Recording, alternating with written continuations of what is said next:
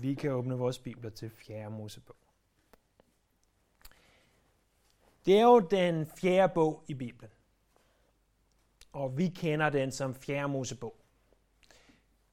I vores danske bibler, der har man valgt at navngive de fem første bøger, første, anden, tredje, fjerde og femte Mosebog, øh, fordi de var skrevet af Moses, og det er som en serie på fem bind, hvor at det her så er det fjerde bind. Hver, hvert bind har en specifik formål. Hver bind øh, taler om noget specifikt. Øh, men vores danske titler er ikke voldsomt sigende. Øh, Fjerde Mosebog fortæller os intet om indholdet. Øh, man kunne gå til den engelske titel, som er øh, Numbers, altså ordet for tal. Øhm, og, og det udtryk siger lidt mere, men øh, skræmmer nok de fleste, øh, ud over os, der måtte beskæftige os med tal til dagligt, øh, fra at læse en bog, der efter sine skulle handle om tal. Den umiddelbart bedste titel, som, som er givet bogen, er den nok mere originale titel, som vi finder den i den hebraiske bibel. Øh, den traditionelle hebraiske titel, det er Bamidbar, som betyder i ørkenen. I ørkenen, for det er det, bogen handler om. Den handler om Israel i ørkenen. Om hvordan de bruger 40 år på at vandre rundt i ørkenen. Bogen er, om du vil, sådan en slags rejsebeskrivelse. Hvis vi ser den i sammenhæng til de fem andre mosebøger, så fortæller første Mosebog, hvordan Gud, Herren, han udvælger et folk. Det er det jødiske folk. Øh, det er det folk, som stammede fra Abraham, Isak og Jakob. Og Jakob fik 12 sønner, og de 12 sønner, sammen med Jakob, sammen med deres hustruer, sammen med deres børn, drog til Ægypten, da der var hungersnød. Og i Ægypten, der bliver de 70 til et stort folk. Et så stort folk, så at vi i begyndelsen af anden Mosebog ser, at Ægypterne frygter dem. De frygter dem så meget, så at de siger, lad os begynde at slå børnene ihjel.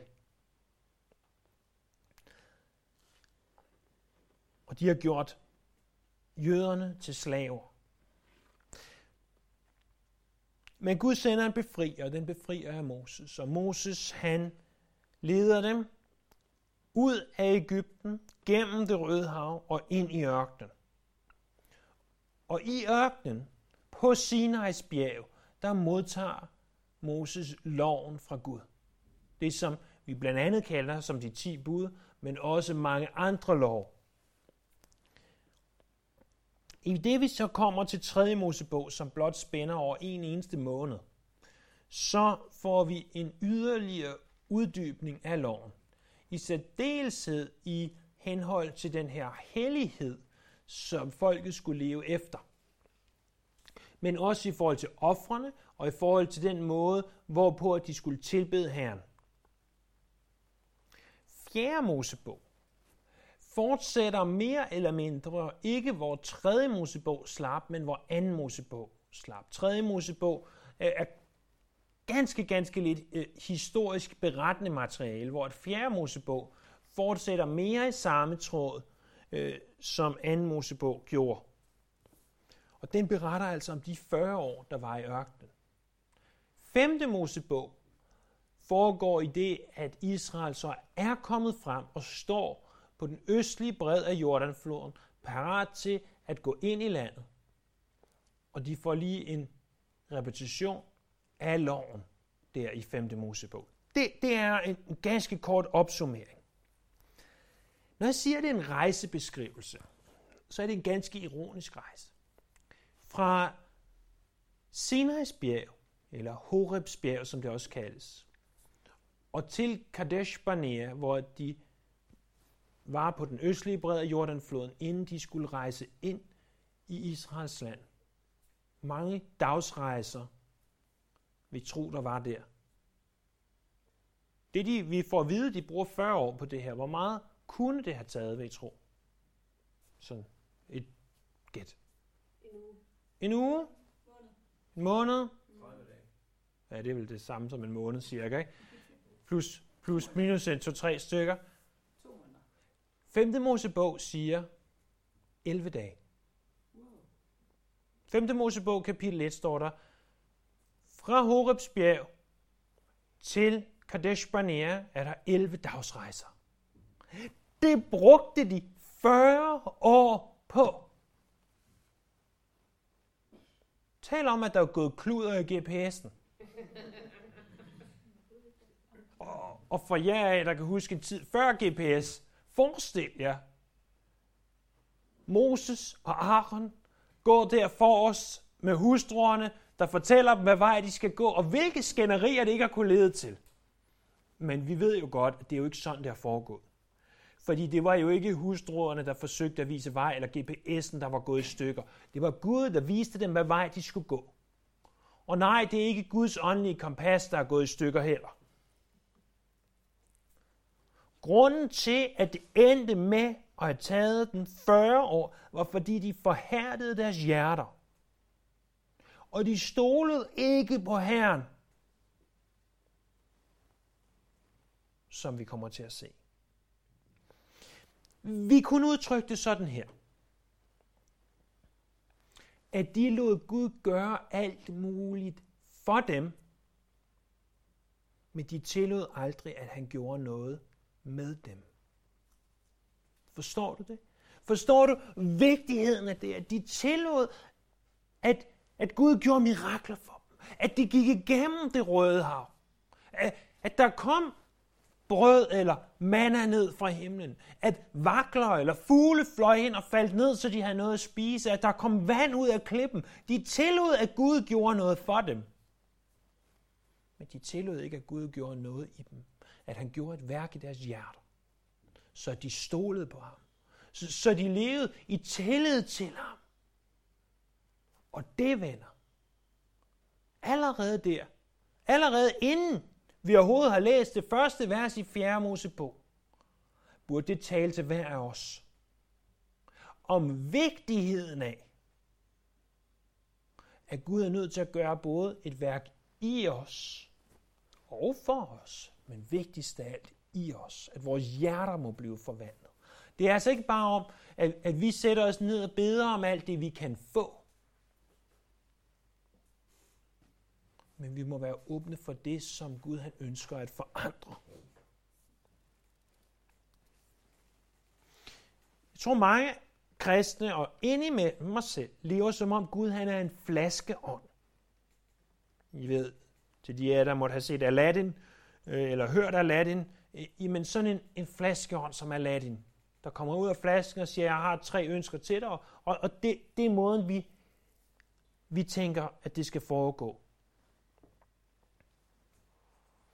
At, at mange kristne ønsker ikke at modnes i Herren, men de ønsker i stedet for at brokke sig, når det ikke går deres vej. Og vi kan sige, at, at den form for kristen, og når vi opfører os sådan, så spilder vi vores liv. Jeg havde et, sådan et, et relativt sjovt billede. Nu vil jeg ikke begynde at starte projekterne op og, og lave et slideshow for et sjovt billede. Det mener jeg ikke, at det er værd. Men det var menigheden, der råber til pastoren og, og siger, hvorfor skal vi studere 4. Mosebog? Det handler jo bare om en flok tåber, der brokker sig i ørkenen. Og de sagde det selvfølgelig som brok, ikke? det var derfor, det var sjovt. Øhm, så det synes jeg selv var meget sjovt. Jeg vidste, jeg skulle til at undervise fjerde Mosebog. Men, men det er så typisk os. Som mennesker, som kristne. Det er nemt at brokke sig. Det er nemt at sige, ah, det er også noget skidt det hele. Og vi forhærder vores hjerter, og vi modnes ikke i Herren. Der er noget andet interessant ved den her bog. Den har 36 kapitler. Og jeg har allerede afsløret, den spænder over 40 år. Men kapitel 1 til 14, det sker i år 2 efter udvandringen, og ganske få dage. De første 14 kapitler udspiller sig over ganske få dage. Kapitel 15 til 19 Det er fra år 3 efter udvandringen indtil år 39. Det er altså langt, langt det meste af tiden. Og så kapitel 20 til 36, som jo så er, er den sidste næsten halvdel af bogen. Det er så det sidste år fra udvandringen af Ægypten. Så, så vi har nogle få kapitler i midten, 15 til 19. Det, det er langt de fleste år, hvor at der bruges rigtig, rigtig lang tid på nogle ganske få dage i de første 14 kapitler, og øh, de sidste kapitler rigtig lang tid på det sidste år. Det viser os, at når sådan en bog her bliver skrevet, så bliver den ikke først og fremmest skrevet som en rejsebeskrivelse, som vi normalt tænker en rejsebeskrivelse. Hvis du nogensinde har, har skrevet dagbog fra en ferie,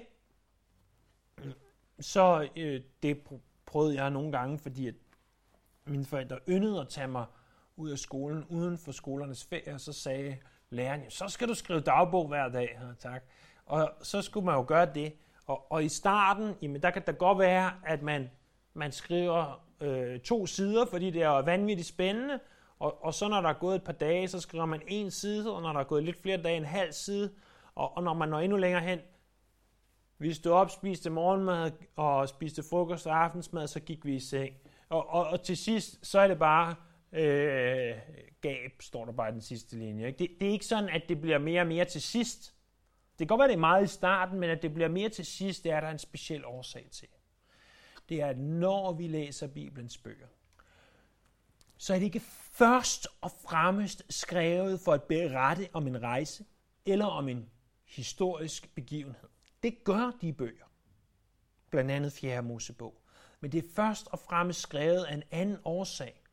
Af en teologisk årsag. At vi skal lære noget af den her bog. Det gør også, at måderne, hvorpå den her bog har været forsøgt inddelt, har været forskellige. Og, og i en måde kunne være at sige, at man inddeler den kapitel 1 til 25. Det handler om den første generation. Og, og kapitel 26-36 handler om den anden generation. For der foretages to mønstringer eller to optællinger af folket. Og det foregår i kapitel 1 og kapitel 26. Og, og derfor kunne man inddele den sådan. Men lige hvordan vi inddeler bogen, det er ganske svært. Øh, der er også nogen, der stopper et afsnit ind imellem det, og udenom det, og, og mange forskellige måder. Men tilbage til det her teologiske i det. Hvor, hvad, hvad er ideen med den her bog? Hvorfor er det vi som kristne? Anno Domini, som betyder det herrens år, 2019, sætter os og læser en bog, som I vil se lige om lidt, indleder lidt mindre spændende end en spændingsroman normalt vil gøre det med en række tal, med en række opremsninger, relativt identiske. Hvorfor? Prøv en gang at slå op i 1. Korintherbrev, kapitel 10.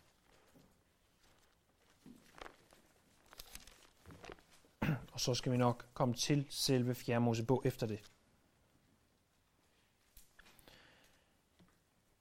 1. Korintherbrev, kapitel 10, vers 1. Paulus første brev til Korintherne, kapitel 10.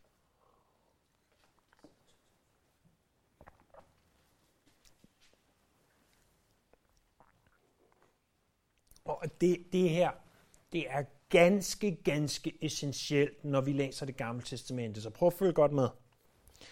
Det skal I vide, brødre. Vel var vores fædre under skyen og gik alle gennem havet og blev alle døbt til Moses i skyen og i havet og spiste alle den samme åndelige mad og drak alle den samme åndelige drik. For de drak af en åndelig klippe, som fulgte med, og den klippe var Kristus. Og alligevel fandt Gud ikke behag i ret mange af dem. De blev slået ned i ørkenen. Derved blev de advarende eksempler for os, for hvem vi ikke, øh, øh for at vi ikke skal få lyst til det onde, sådan som de fik det. Bliv heller ikke afgudstyrkere, sådan som nogle af dem blev det. Som der står skrevet. Folket satte sig ned og spiste og drak, og de rejste sig for at danse. Lad os heller ikke bedrive utugt, sådan som nogle af dem gjorde det. For på en dag blev der dræbt 23.000. Lad os heller ikke udæske Kristus, sådan som nogle af dem gjorde det.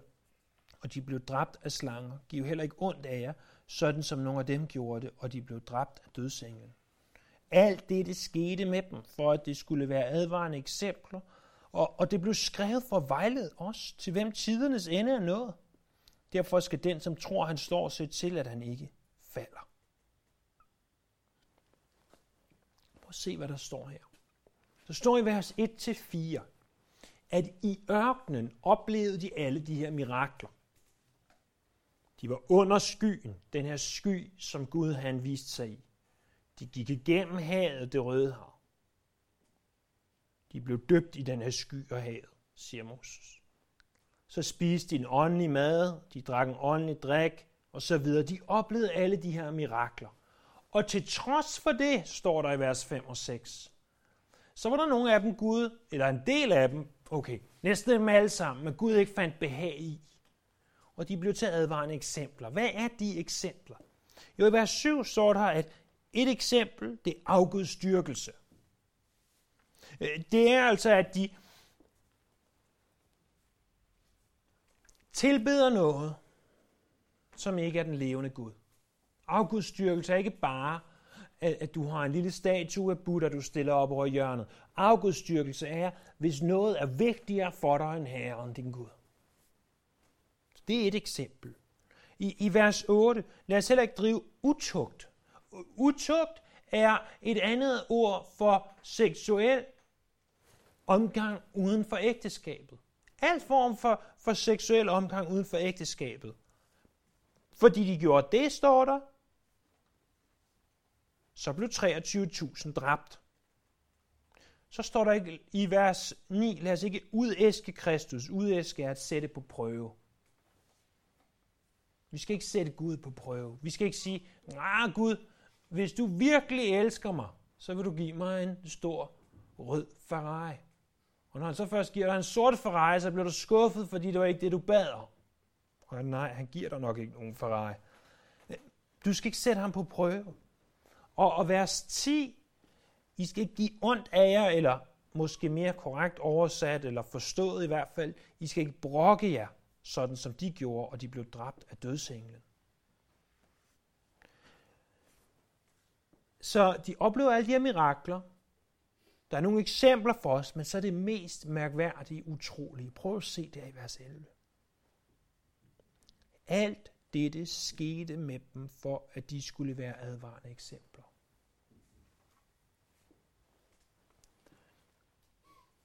Det var ikke bare fordi, at de gjorde det, blev de til advarende eksempler. Nej, alt det her tillod Gud, at det skete med dem, således at du og jeg, øh, 3500 år senere mere eller mindre, kan sidde og læse om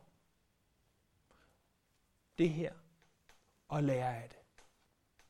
Så når vi læser 4. Mosebog, så lærer vi lydighed imod her.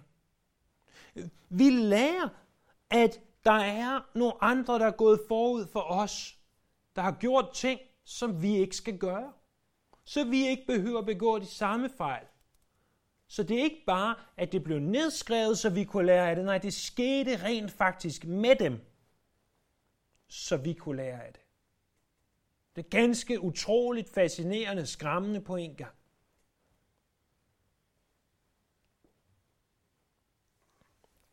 Og så til 4. Mosebog, kapitel 1. 4. Mosebog, kapitel 1, vers 1. På den første dag i den anden måned, i det andet år, efter at israelitterne var draget ud af Ægypten, talte Herren til Moses i åbenbaringsteltet i Sinais ørken og sagde, vi ser, at Herren taler. Det, det er hvem, der siger det her. I den hebraiske bibel, som jo er det originale øh, sprog, som det gamle testamente blev skrevet på, der står det her først.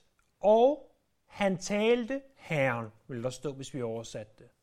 Altså over Herren talte, hvis vi skulle prøve at gøre det til bare lidt mere korrekt dansk.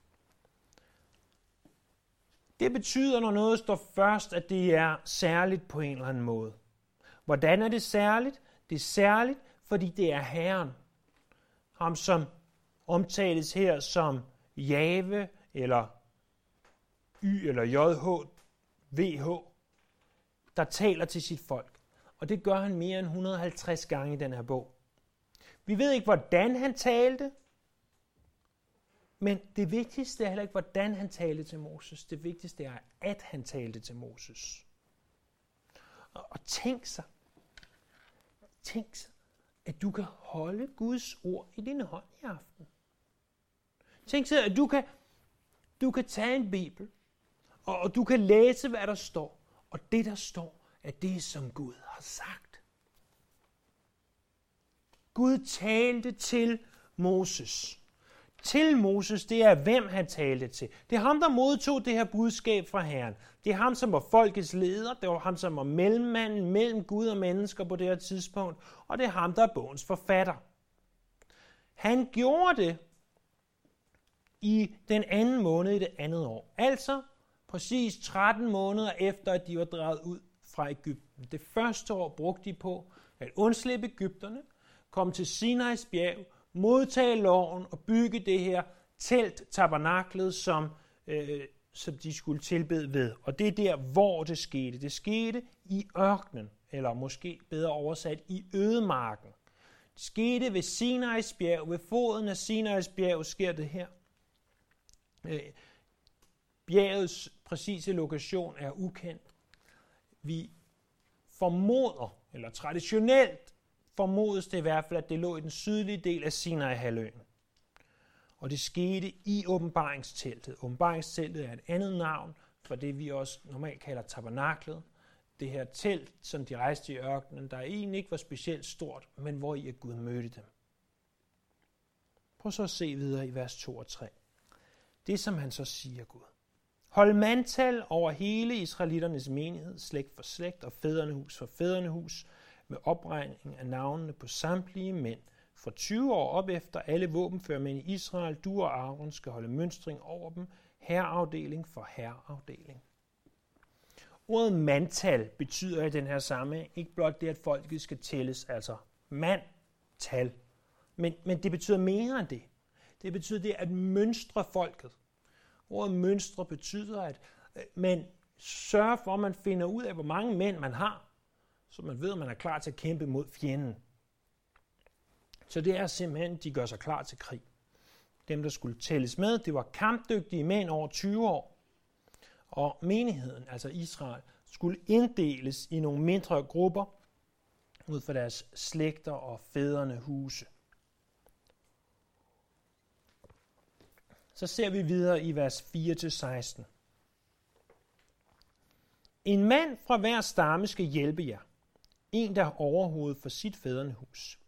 Det er navnene på de mænd, der skal bistå eller hjælpe jer fra Ruben, Elisur, Shedeurs søn fra Simeon, Shelumiel, Shurishadais søn fra Juda, Nakshon, Aminadabs søn fra Isakar, Netan El, Suas søn fra Sebulon, Eliab, Helons søn fra, jo, øh, fra Josefs sønner, fra Ephraim, Elishama, Amihuds søn fra Manasse, Gamliel, Pedasurs søn fra Benjamin, Abidan, Gideonis søn fra Dan, Akieser, Amishadais søn fra Asher, Pagiel, Okrans søn fra Gad, Eliasaf, Deuls søn fra Naphtali, Akira, Enans søn. De var højt anset i menigheden. Fædrene stammernes høvdinge overhovedet for Israels menigheder.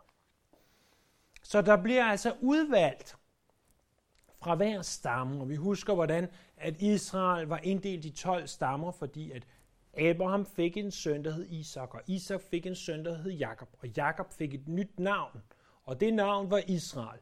Og Israel, han fik 12 sønner, og de sønner blev til Israels 12 stammer. Og, og de stammer udvælger nu hvert et overhoved. Og, og som øh, vi ser, så Josefs stamme får lov at have to, øh, og Levis stamme får ikke lov at have nogen. Så det er sådan, vi kommer frem til 12 her. Dem, der skulle til, øh, altså de her mænd, de skulle være med til at tælle hele folket. De skulle altså hjælpe Moses med det arbejde, han havde. Interessant nok, så bevidner de her navne, at det var navne, der blev brugt på det her tidspunkt i historien. Og øh, lidt ligesom der er ting, man kalder sine børn nu, som man ikke kaldte dem for 20 år siden, som man ikke kaldte dem for 40 år siden, som man måske kaldte dem for 60 år siden, fordi det var populært dengang, det ved jeg ikke. Men sådan siger man altså, at den her type navne med det, de indeholder, var populært på det her tidspunkt, eller blev brugt på det her tidspunkt cirka øh, 1500 år før Kristus. Og det er interessant, fordi mange påstår, at bogen blev skrevet hundredvis af år senere, end Moses levede, og at Moses ikke kunne have skrevet bogen. Så kommer selve mønstringen. Og nu skal jeg altså holde fast, for det går fra vers 17 og ned til vers 46. Så tog Moses og Aaron de mænd, der var udpeget, og på den første dag i den anden måned kaldte de hele menigheden sammen. Den blev registreret, fædrene for fædrene i deres slægter, med opregning af navnene på mænd fra 20 år op efter, sådan som Herren havde befalet Moses, han holdt mønstring over dem i Sinais ørken. Efterkommer af Ruben, Israels førstefødte, i forgreningerne i deres slægter, og fædrene huse med opregning af navnene på samtlige mænd fra 20 år op efter, alle våbenfør mænd, de mønstrede af Rubens stamme, var 46.500. Simeons efterkommere i forgreningerne i deres slægter og fædrenhuse med opregning af navnene på samtlige mænd fra 20 år op efter, alle våbenfør mænd. De mønstrede af Simeons stamme var 59.300. Gads efterkommere i forgreningerne i deres slægter og fædrenhuse med opregning af navnene på dem fra 20 år op efter, alle våbenfører mænd. De mønstrede af Gads stamme var 45.650. Judas efterkommere i forgreningerne i deres slægter og fædrenehuset med opregning af navnene på dem fra 20 år op efter. Alle våbenfører mænd, de mønstrede af Judas stamme, var 74.600. Isakars efterkommere i forgreningerne i deres slægter i fædrenehuset med opregning af navnene på dem for 20 år op efter. Alle våbenfører mænd, de mønstrede af Isakars stamme, var 54.400. Sebulons efterkommere i forgreningerne i deres slægter i fædrenehuset med opregning af navnene på dem for 20 år op efter. Alle våbenfører mænd, de mønstrede Sebulons stamme, var 57.400. Josefs sønner, Efraims efterkommere i deres forgreninger i deres slægter og fædrene med opregning af navnene på dem fra 20 år op efter, alle våbenfører mænd. De mønstrede af Efraims stamme var 40.500. Manasses efterkommer i forgreningerne i deres slægter og fædrenhuse med opregning af navnene på dem for 20 år op efter. Alle våbenfører mænd. De mønstrede af Manasses stamme var 32.200. Benjamins efterkommer i forgreningerne i deres slægter og fædrenhus med opregning af navnene på dem for 20 år op efter alle våbenfører mænd, i mønstrede af Benjamins stamme, var 35.400. Dans efterkommer i forgreningerne i deres slægter i fædrenehuse med opregning af navnene på dem for 20 år op efter alle våbenfører mænd. De mønstrede dans stamme var 62.700. Ashers efterkommer i forgreningerne i deres slægter og fædrenehuse med opregning at navnene på dem fra 20 år op efter alle våbenfører mænd. De mønstrede af Ashers stamme var 41.500. Naftalis efterkommer i forgreningerne i deres slægter og fædrenehuse med opregning af navnene på dem fra 20 år op efter alle våbenfør mænd. De mønstrede Naftalis stamme var 53.400. Det var dem, Moses og Aaron holdt mønstring over sammen med Israels 12 høvdinge.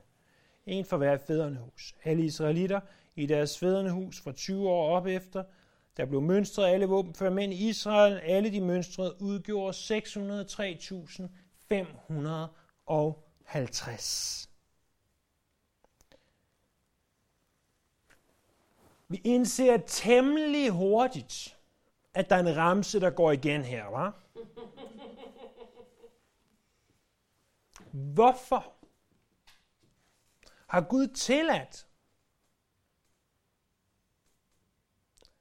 at bogtrykkere ud over hele verden kunne få lov til at tjene ekstra penge på at skrive det samme igen og igen, når det kunne være gjort meget mere kort og nøjagtigt ved bare at lave en ramse og så skrive de 12 tal nedenunder. I en tabel helst. Hvorfor?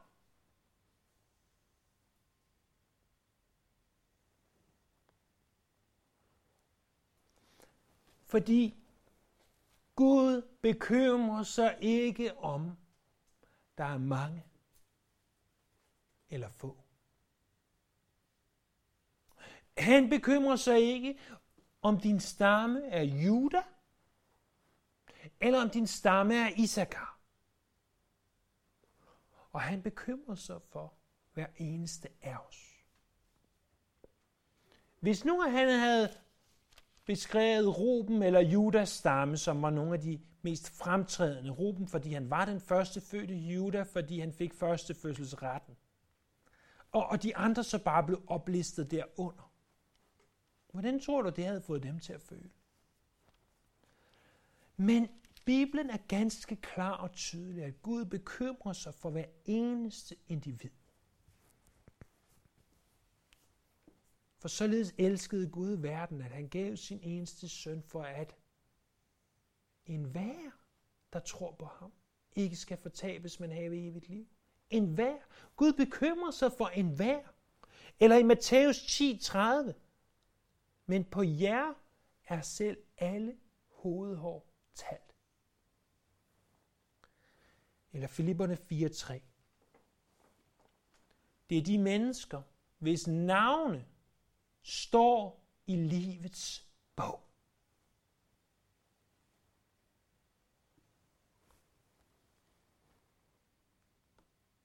Tænk så. Tænk så og forestil dig, hvis, hvis vi kunne få lov til at kigge i livets bog.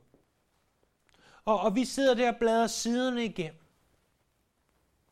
Vil du så ikke gerne have, og kunne det ikke være interessant og, og sjovt og ikke mindst vidunderligt at finde dit eget navn oplistet der? E, eller vil du hellere bare have, at der stod alle de kristne i Danmark? Det, det ville da være vidunderligt at vide, at dit personlige navn stod i livets bog. Og grunden til, at Gud han tillader, at bogtrykkerne tjener ekstra penge på de her mange vers, det er for at minde os om, at hver eneste individ tæller. At for ham er det ikke vigtigt, om der er mange eller få en stamme. Han vil ikke nedgøre den individuelle stamme ved at sige, jeg opsummerer det her på en nemmere og en kortere måde. Der er et par gentagelser, øh, ting i de her 12 gentagelser, som bør udpeges. Det nævnes for eksempel i vers 20, at Ruben han er den første fødte. Det nævnes i vers 32, at Josef han har fået et dobbelt aflod, og det bliver fordelt imellem hans to sønner, Efraim og Manasse. Øhm, vi ser også, at tallene på en eller anden måde må nærmest være afrundet, for de har alle sammen øh, et helt hundredtal, undtagen Gad stamme, som har 50. Øhm, vi observerer også, at Judas stamme er den største, og det er Judas stamme, hvor i Messias, altså Jesus, senere skal komme. Vi ser også, at det samlede antal er 603.550. Det må betyde, at der var et sted mellem 2 til 3 millioner mennesker øh, i ørkenen på det her tidspunkt. Et tal, som kritikerne har betvivlet ganske meget. Kommer vi til det sidste afsnit, vers 47-54.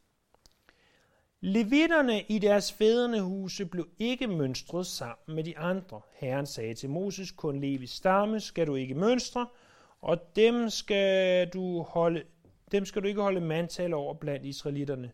Men du skal indsætte levitterne over vidnesbyrdets bolig med hele dens udstyr og alt, hvad der hører den til. De skal bære boligen med hele dens udstyr, og de skal forrette tjenesten i boligen, og de skal have deres lejr rundt om boligen. Når man bryder op med boligen, er det levitterne, der skal tage den ned. og når man slår lejr med den, er det levitterne, der skal rejse den igen. En hver uindvidet, der kommer den nær, skal lide døden. Israelitterne skal lejre sig i hver sin lejr, og i hver sin fane her, herreafdeling for herreafdeling, men levitterne skal lejre sig rundt om vidnesbyrdets bolig, så israelitternes menighed ikke rammes af vrede, og levitterne skal vogte vidnesbyrdets bolig. Israelitterne gjorde ganske som Herren havde befalet Moses. Levitterne bliver fritaget for militær tjeneste. Deres vigtigste opgave var at vogte tabernaklet. Det er altså derfor, de ikke er med i den her mønstring. Deres lejr skulle være beliggende rundt om vidnesbyrdets bolig, altså rundt om det, vi også kalder tabernaklet, det her telt, hvorfra de tilbad. Og der står, at hvis en uindvidet, det var altså en, der ikke var levit, kom i nærheden af tabernaklet, øh, så øh, skulle personen dø. Og, og så vers 54. Israelitterne gjorde ganske som Herren havde befalet Moses. De handlede på det, Gud sagde.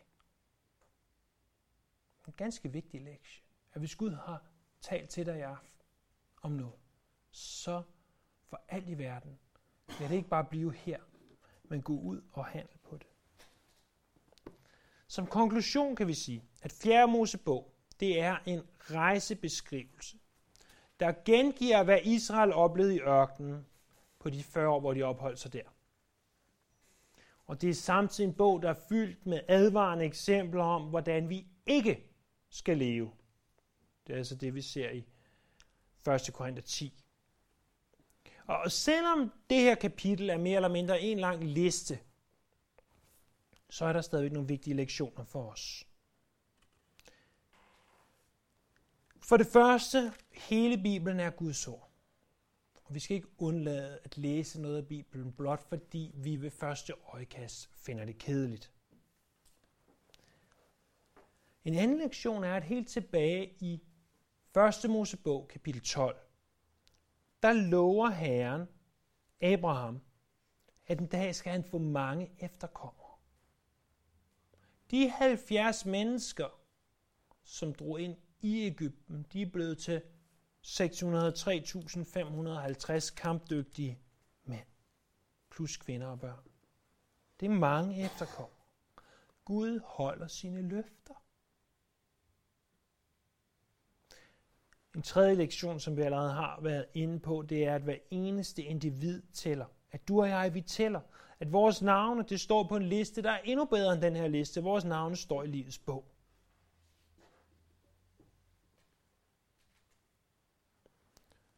Vi læser ikke noget om, at der ikke var nogen af folkene, der... Eller vi læser ikke om, at der var nogen, der kom og sagde, jeg vil ikke tælles med. Umiddelbart var de alle sammen villige til at gå i krig for Herren på det her tidspunkt. Og det er ikke bare, de var villige til at gå i krig i fysisk forstand. Vi kan stille os selv spørgsmål, om vi er villige til at gå i krig i åndelig forstand, om vi er villige til at leve for Herren, om vi er villige til at, at kæmpe for ham og stride troens gode strid. Lad os bede. Her, vi takker for den her indledning til 4. Mosebog. Vi beder om, at du vil rører ved vores hjerter her. I det vi, vi bruger øh, mange onsdage fremover på at se på indholdet af den her bog. Hjælp os til at forstå, hvad du har til os her her. Til din her. Amen. Amen.